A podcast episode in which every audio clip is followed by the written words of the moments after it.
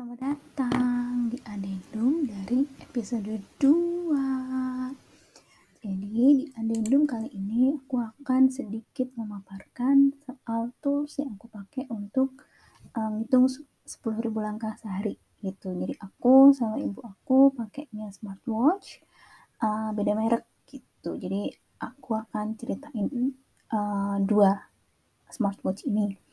Aku pakainya Fitbit mereknya uh, nama tipenya pertama aku pakai yang charge 3 atau charge 3 uh, itu kalau dari harga sekitar 3 jutaan. Kemudian uh, aku yang warna hitam. Secara ukuran sih pas ya dia bentuknya persegi panjang jadi bukan bulat gitu. Terus tampilannya hitam putih layarnya. Uh, jadi apa ya? Um, mature cie nggak yang uh, warna-warni cheerful gitu enggak jadi hitam putih aja. Kemudian uh, jamnya dipakai kemudian kan kita harus install aplikasinya di uh, handphone. Nah itu cukup gampang installnya kemudian pairingnya pakai bluetooth itu juga gampang. Uh, secara fitur secara fitur di dalam aplikasinya itu aku bisa bilang komplit macem-macem banget gitu ya. Pas di episode 2 kemarin kan aku info kalau uh, dia ada 5 parameter minimal uh, 10.000 langkah sehari 30 menit exercise kemudian jarak berapa kilo kalori terbakar berapa kilo sama naik turun tangga 10 langkah gitu. Nah uh, di luar itu ada juga tuh uh, fitur-fitur kayak untuk mengukur hari ini minum berapa liter, makannya apa aja, gitu-gitu. Tapi itu sifatnya self-log ya. Jadi nggak otomatis keukur. Nah, tapi kalau kayak tidur, kualitas tidur itu dia otomatis asal dipakai jamnya. Terus um, dia juga ada mindfulness tracker. Jadi dia merekomendasikan seminggu paling enggak kita lima kali melakukan sesi eh, meditasi. Terus dia menyediakan juga program-program guidance-guidance untuk uh, meditasi itu. Jadi ada yang 3 menit, 5 menit, 7 menit gitu. Kita akan dipandu tuh, misalkan uh, duduk yang tenang, ambil napas, kemudian bayangkan uh, hari ini adalah gitu-gitu loh. Jadi kita dengerin uh, guidance itu uh, at least kita jadi sejenak lupa dengan uh, apa yang sedang terjadi kehektikan itu. Jadi kita refresh lah gitu. Uh, itu free. Yang free free tersedia tapi kalau mau lebih dia juga menyediakan uh, fitur yang premium gitu di upgrade. Begitu juga dengan exercise. Exercise dia ada program-program yang ditawarkan, yang free juga banyak, yang premium juga ada. Aku masih pakai yang free. Itu aja nggak semua dibahas, eh dibahas dilakuin. Terus uh, Fitbit ini ada badge, badge gitu, misalkan selamat dapat badge uh, helikopter karena kamu hari ini naik turun tangga lebih dari 10 kali, misalnya gitu. Jadi gimmick-gimmick yang bisa memotivasi itu juga ada di aplikasi Fitbit.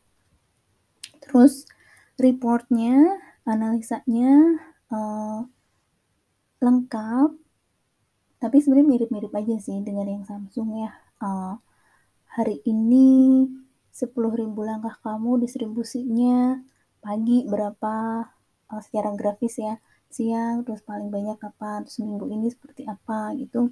Secara visual cukup lengkap tapi lagi-lagi ya dia monokrom gitu. Kayak di jamnya kan cuma hitam putih. Aplikasinya juga cuma dua warna aku hijau toska dan putih gitu. Terus dari segi akurasi Fitbit ini sangat sensitif sehingga justru kayak mengurangi akurasinya dalam hal mendeteksi langkah.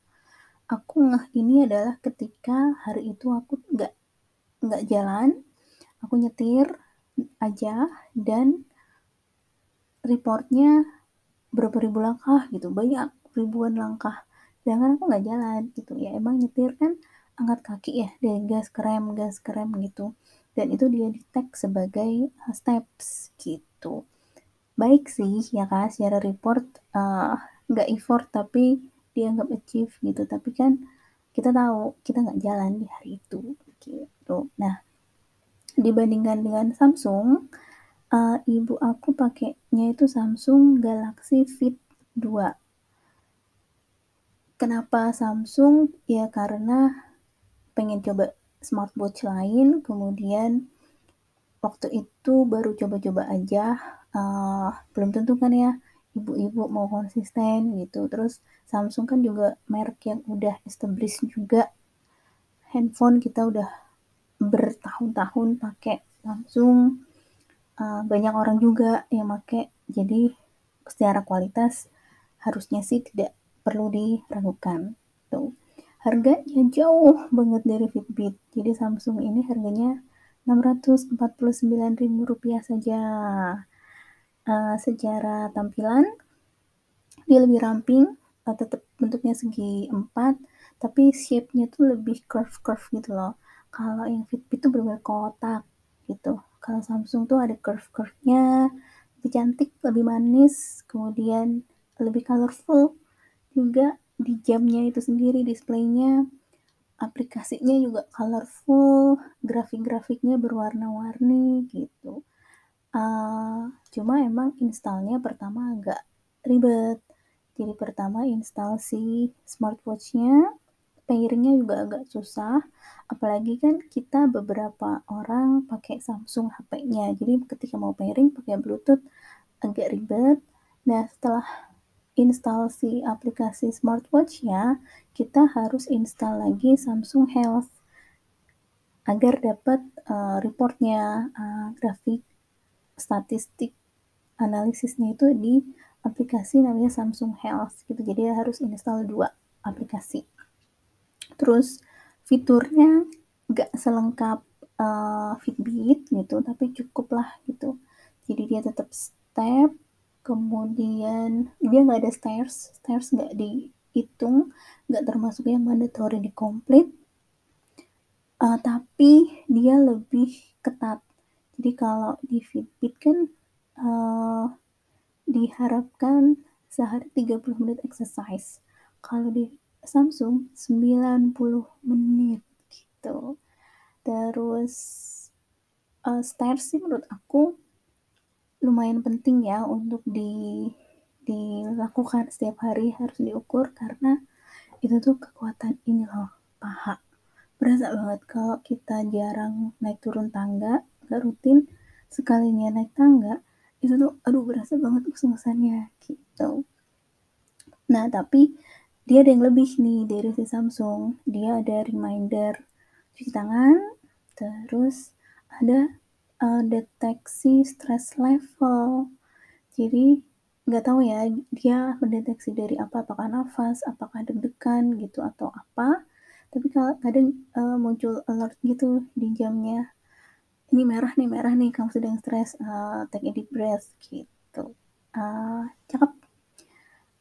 Kemudian uh, reportnya mirip-mirip aja cuma ya tadi ya dia lebih colorful dan dia lebih akurat uh, kalau Fitbit kan tadi lebih sensitif ya, nggak ngelangkah, kaki gerak dikit aja dianggap langkah. Kalau Samsung tuh lebih akurat gitu.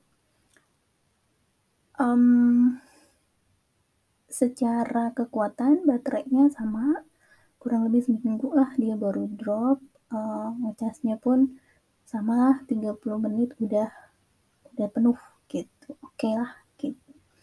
Anyway, aku pertama tadi kan pakai Fitbit Charge 3 kemudian aku ganti ke Fitbit Charge 2 kenapa? karena si Charge 3 itu strapnya putus. Jadi charge eh strapnya itu agak kaku sehingga mungkin kan pas ngelepas ketekuk dikit ketekuk dikit lama-lama tuh putus gitu.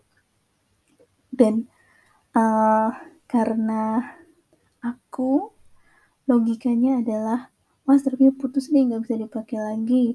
Oh, di selotip juga aduh malu masih sih. Bukan malu sedih banget sih pakai jam. Uh, diselotip akhirnya gue beli lagi yang uh, charge 2 warna ungu. Harganya 2 jutaan. Terus uh, sama lah semuanya sama aja menurut aku. Dan uh, beberapa waktu kemudian pas nemu boxnya si charge 3 ternyata dari pabriknya sana tuh udah dikasih spare strap gitu guys. Jadi kayaknya sih si pembuatnya udah mendeteksi ya bahwa strapnya ini akan putus suatu saat. Jadi dia udah nyediain. Jadi ya aku sih nggak rekomend si charge 3 ini ya karena strapnya um, kuat gitu.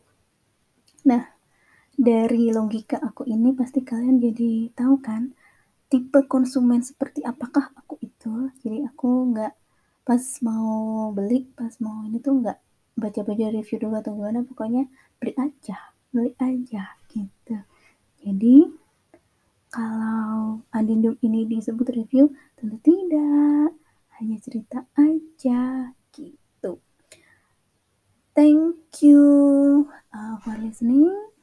Sampai ketemu di episode berikutnya Bye bye.